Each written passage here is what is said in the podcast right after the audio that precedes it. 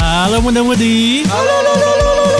Ada kita nih yang siap nemenin kalian kapanpun dan dimanapun kalian berada. Jadi jangan lupa dengerin Asam Muda di Spotify ya. Asam muda. Weh, weh, weh. Ya,